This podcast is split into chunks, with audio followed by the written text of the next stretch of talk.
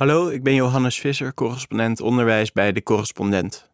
Je gaat luisteren naar een artikel over schoolstress. Een belangrijk onderwerp, want in de afgelopen 20 jaar is het percentage jongeren dat stress ervaart door school bijna verdrievoudigd. En dat is niet zo gek, want leren is tegenwoordig vooral controleren. Ik had een leerling die eindexamen deed in 17 vakken en slaagde met 11 tienen op haar eindlijst. Het is bijna niet te geloven, schreef de regionale krant. Zelf was ze wel eens naar een mentor gestapt om te zeggen dat ze misschien wel last had van faalangst. Die mentor zei: Die angst is nergens voor nodig, want je haalt fantastische cijfers. Het is een groot misverstand in het onderwijs dat het met een leerling die goede cijfers haalt wel goed zal gaan. Zulke leerlingen worden zelden serieus besproken tijdens vergaderingen, omdat ze niet voor problemen zorgen. Probleemgeval? Dat is de leerling die op het randje van zitten blijven staat. De leerling die geen zak uitvreet en met minimale inspanning zesjes haalt. Een probleem is in het onderwijs pas een probleem wanneer het niet goed gaat met de cijfers. Maar het onderwijs heeft een groter probleem dan slechte cijfers. Leerlingen die voortdurend druk ervaren, altijd gestrest zijn en van cijfer naar cijfer leven. In de afgelopen 20 jaar is het percentage jongeren dat druk en stress ervaart door school bijna verdrievoudigd, van 16 naar 45 procent. Ruim een kwart van de leerlingen op de middelbare school ervaart vaak of altijd stress door school en huiswerk.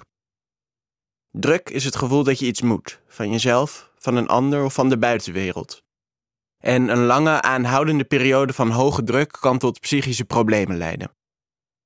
De laatste jaren gaan er dan ook geluiden op om in het onderwijs meer aandacht te hebben voor zulke psychische problemen. Onzin zou je daartegen in kunnen brengen, want school is er om kennis over te dragen. Die Gen Z'ers moeten gewoon niet zo janken.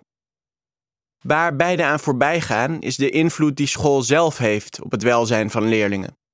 Wie wil dat kinderen opgroeien met minder psychische problemen, zou van school een gezondere plek moeten maken. Dat kan, want we weten welke mentale behoeften mensen gemotiveerd en gezond houden, ongeacht hun gender, cultuur of waar ze geboren zijn. En ongeacht wanneer ze leefden. Onderwijs is een relatief nieuw experiment. Van de 300.000 jaar dat de moderne mens waarschijnlijk op aarde rondloopt, bestaan er maar zo'n 4000 jaar scholen. En pas 100 jaar is school voor alle kinderen verplicht.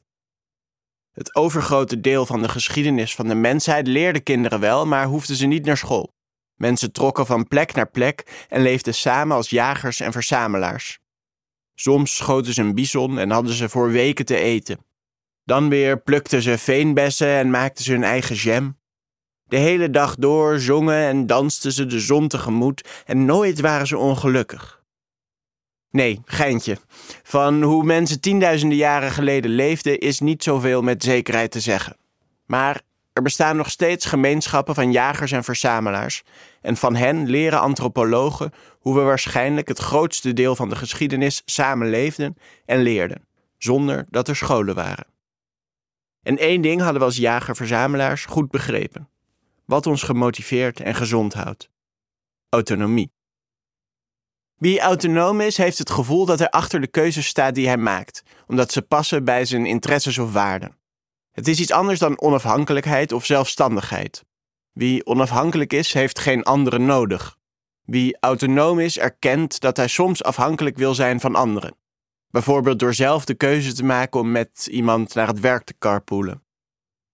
Hoe meer autonomie we ervaren, hoe beter het met ons gaat des te sterker mensen juist het gevoel hebben dat hun gedrag gestuurd wordt door anderen, des te zwakker hun motivatie en des te groter de kans op allerlei psychische problemen.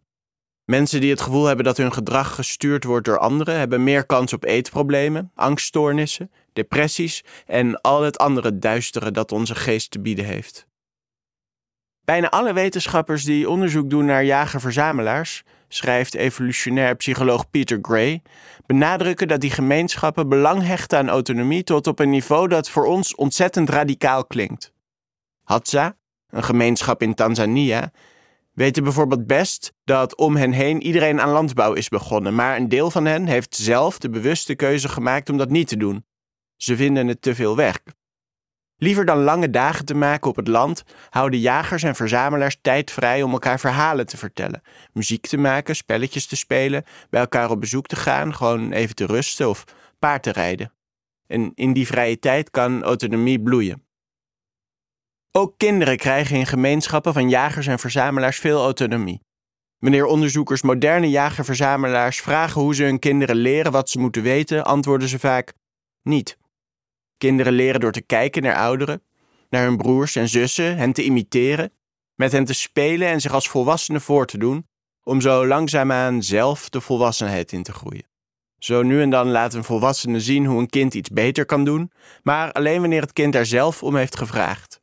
Kinderen gaan niet naar school, maar spelen bijna de hele dag door, zeggen antropologen die gemeenschappen van jager-verzamelaars over de hele wereld hebben bestudeerd. Dat betekent niet dat hun levens één groot feest zijn. Jager-verzamelaars hebben te lijden onder droogte en hongersnood, moeten roofdieren van zich afzien te houden. Ze leven ook veel korter dan westerlingen. Hadza worden gemiddeld 33 jaar oud en één op de vijf baby's overlijdt.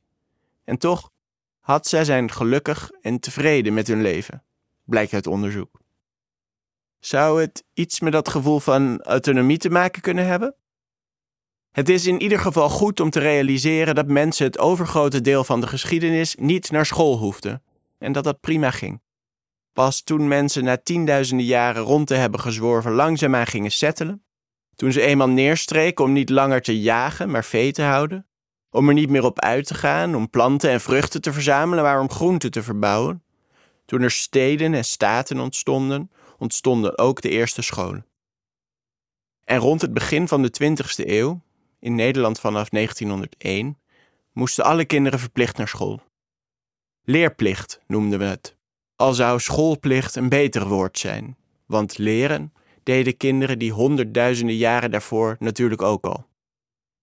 Die scholen waren een succes. Grote groepen kinderen leerden bijvoorbeeld lezen en schrijven. Dat was nodig om mee te kunnen komen in een maatschappij die steeds complexer werd. Kinderen leerden over biologie, geschiedenis en aardrijkskunde, omdat ze al die kennis misschien ooit nog nodig zouden hebben en het anders toch in ieder geval geen kwaad kon voor hun algemene ontwikkeling. Maar er veranderde ook iets in de manier waarop kinderen honderdduizenden jaren waren grootgebracht. Leren werd iets dat moest, een plicht, met vooraf bepaalde doelen waar alle leerlingen naartoe moesten werken. Omdat de overheid vooraf ging bepalen wat iedere leerling zou moeten leren, kon de kwaliteit van het onderwijs meetbaar gemaakt worden. En omdat de kwaliteit meetbaar gemaakt kon worden, kon de overheid prestaties gaan verwachten van het onderwijs en daar toezicht op gaan houden. Leren werd controleren. Binnen die overheidscontrole kan natuurlijk alsnog genoeg te kiezen vallen. Maar een systeem waarin een leraar wekelijks 200 leerlingen het curriculum door moet werken, kan leraren gemakkelijk het niet onterechte gevoel geven dat ze maar één optie hebben: slaafs het lesboek doorwerken. Sommigen wijten het gebrek aan autonomie dat leraren ervaren aan de overheid, die de docent zou behandelen als een gedresseerde aap, die dan weer uit angst voor de stok en dan weer voor een handje nootjes dansjes doet voor het orgel. Het zure is, dat gebrekkige gevoel van autonomie werkt door van boven naar beneden. Leraren die weinig autonomie ervaren, geven hun leerlingen ook minder autonomie. Ze gebruiken meer controle om dingen gedaan te krijgen. In de klas klinkt dat op zijn slechtst zo. Sst, zit allemaal, jassen uit, tassen van tafel. Waar zijn Tim en Lise? Jamal. Bob, doe jij je capuchon even af. En nu graag stil allemaal. Oortjes uit. Jij ook, Mohammed. Ah, Tim en Lise, daar zijn jullie. Ga snel zitten. Ik ga zo eerst het huiswerk controleren. Pien, wat had ik gezegd over oortjes? Ja, die doen we uit. Huiswerk op tafel allemaal. Kom op nou even, Lise, zitten. Ik lijk wel een politieagent. Nee, Tom, je mag niet naar de wc. Het is net pauze geweest. Kunnen we nu eindelijk beginnen? Waarom heeft niemand zijn huiswerk gemaakt? Nou, jullie moeten het zelf weten. Jullie zitten hier niet voor mij. Maar volgende week is de toets en die telt drie keer mee. En, blijkt uit onderzoek, al binnen twee maanden ervaren leerlingen van docenten die weinig autonomie ervaren zelf ook minder autonomie. Ze stellen minder vaak uit zichzelf een vraag, raffelen hun huiswerk af alleen om aan de verplichting te voldoen en stellen voortdurend die ene vraag: Is het voor een cijfer? Leerlingen, ook aapjes. Is het voor een cijfer?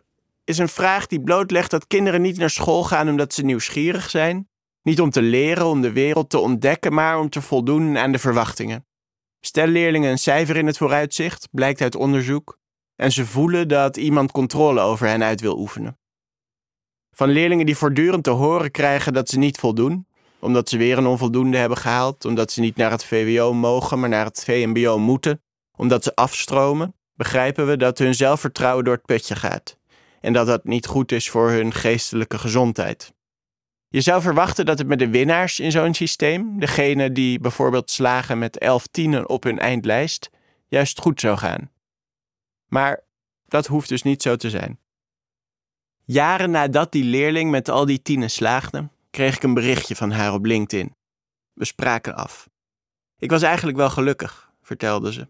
Het was een tijd waarin ik heel erg in staat was perfectie te bewerkstelligen in alles wat ik deed, aan de hand van meetbare prestaties.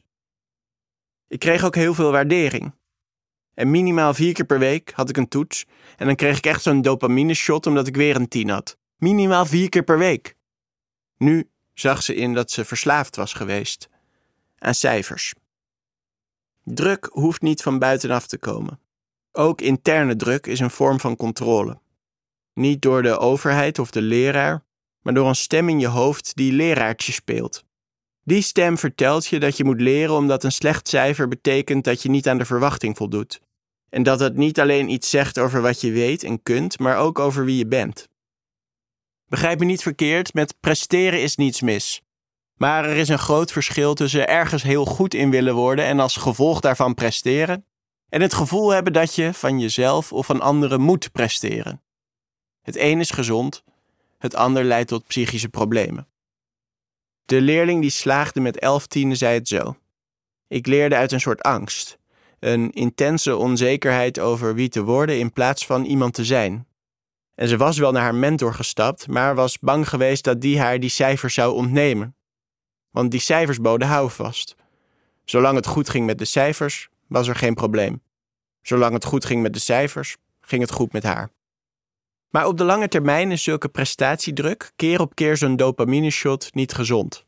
In een onderzoek naar prestatie werd studenten die bijna waren afgestudeerd gevraagd naar hun ambities. Een deel van de studenten had ambities die te maken hadden met prestaties. Ze wilden bijvoorbeeld rijk of beroemd worden. Een ander deel van de studenten had ambities die te maken hadden met zelfontplooiing. Ze wilden leren, groeien en anderen helpen. Twee jaar later zochten de onderzoekers de studenten nog eens op. Degenen die zich doelen buiten zichzelf hadden gesteld en die hadden behaald, waren daar niet gelukkiger van geworden. Ze waren ook niet tevredener met hun leven dan twee jaar eerder en hadden niet meer eigenwaarde. Ze hadden vaker last van angsten en depressies dan de andere groep. Studenten uit de groep die zich wilden ontwikkelen gaven wel aan tevredener te zijn en zich beter te voelen dan twee jaar daarvoor. Ze hadden weinig last van angsten en depressie. En, schrijven de onderzoekers, een belangrijke oorzaak was dat de groep die zichzelf wilde ontwikkelen meer autonomie ervoer. Leerlingen ervaren steeds meer druk, omdat ze het gevoel hebben dat ze moeten presteren. Van de maatschappij, van hun ouders, van hun leraren en van zichzelf. Wie daar iets aan wil doen, moet erkennen dat onderwijs een plicht is en autonomie een psychologische basisbehoefte, en dat die twee met elkaar op gespannen voet staan. Dat betekent niet dat we terug moeten naar de tijd van voor de landbouw, maar wat dan wel? Sommige scholen proberen hun leerlingen meer autonomie te geven. Afgelopen maand schreef ik over een Agora-school, waar leerlingen hun eigen challenges bedenken en waar leraren coaches zijn vanuit het idee dat kinderen op moeten groeien tot autonome burgers. En vorig jaar schreef ik over de democratische school Doe 040, waarvan kinderen niet wordt verwacht dat ze een diploma halen, maar waar leerlingen wel serieus worden genomen door ze mee te laten beslissen over het beleid van de school. Daar kun je van alles van vinden, maar het zijn in ieder geval interessante initiatieven omdat ze radicaal breken met het idee dat kinderen zo goed mogelijk moeten leren wat de overheid voorschrijft. Ze vormen een spiegel voor onze prestatiemaatschappij. En misschien gaf de leerling die alleen maar tienen haalde ook een goede richting aan toen ze in ons gesprek terugblikte op haar tijd als scholier. Ze zei tegen mezelf van toen, zou ik nu zeggen: Meid, ga toch lekker met vrienden boogschieten te paard. Het is de missie van de correspondent om voorbij de waan van de dag te gaan Onze correspondenten voorzien het nieuws van context en schrijven over de grote thema's van deze tijd. De correspondent geeft me de vrijheid om mijn nieuwsgierigheid te volgen en de tijd om verhalen te schrijven. En zo probeer ik onzichtbare structuren zichtbaar te maken en een andere kijk te bieden op debatten die het nieuws domineren. Dan gaat het minder over het spelletje en veel meer over wat er op het spel staat. Vanaf dag 1 zijn onze artikelen, boeken en podcasts gefinancierd door onze leden. Volg ons op onze journalistieke zoektocht. Overweeg eens lid te worden van de correspondent. En maak daarmee samen met ruim 70.000 anderen onze onafhankelijke journalistiek mogelijk. Dus word lid van de correspondent. Ja. Word lid. Vårt litt.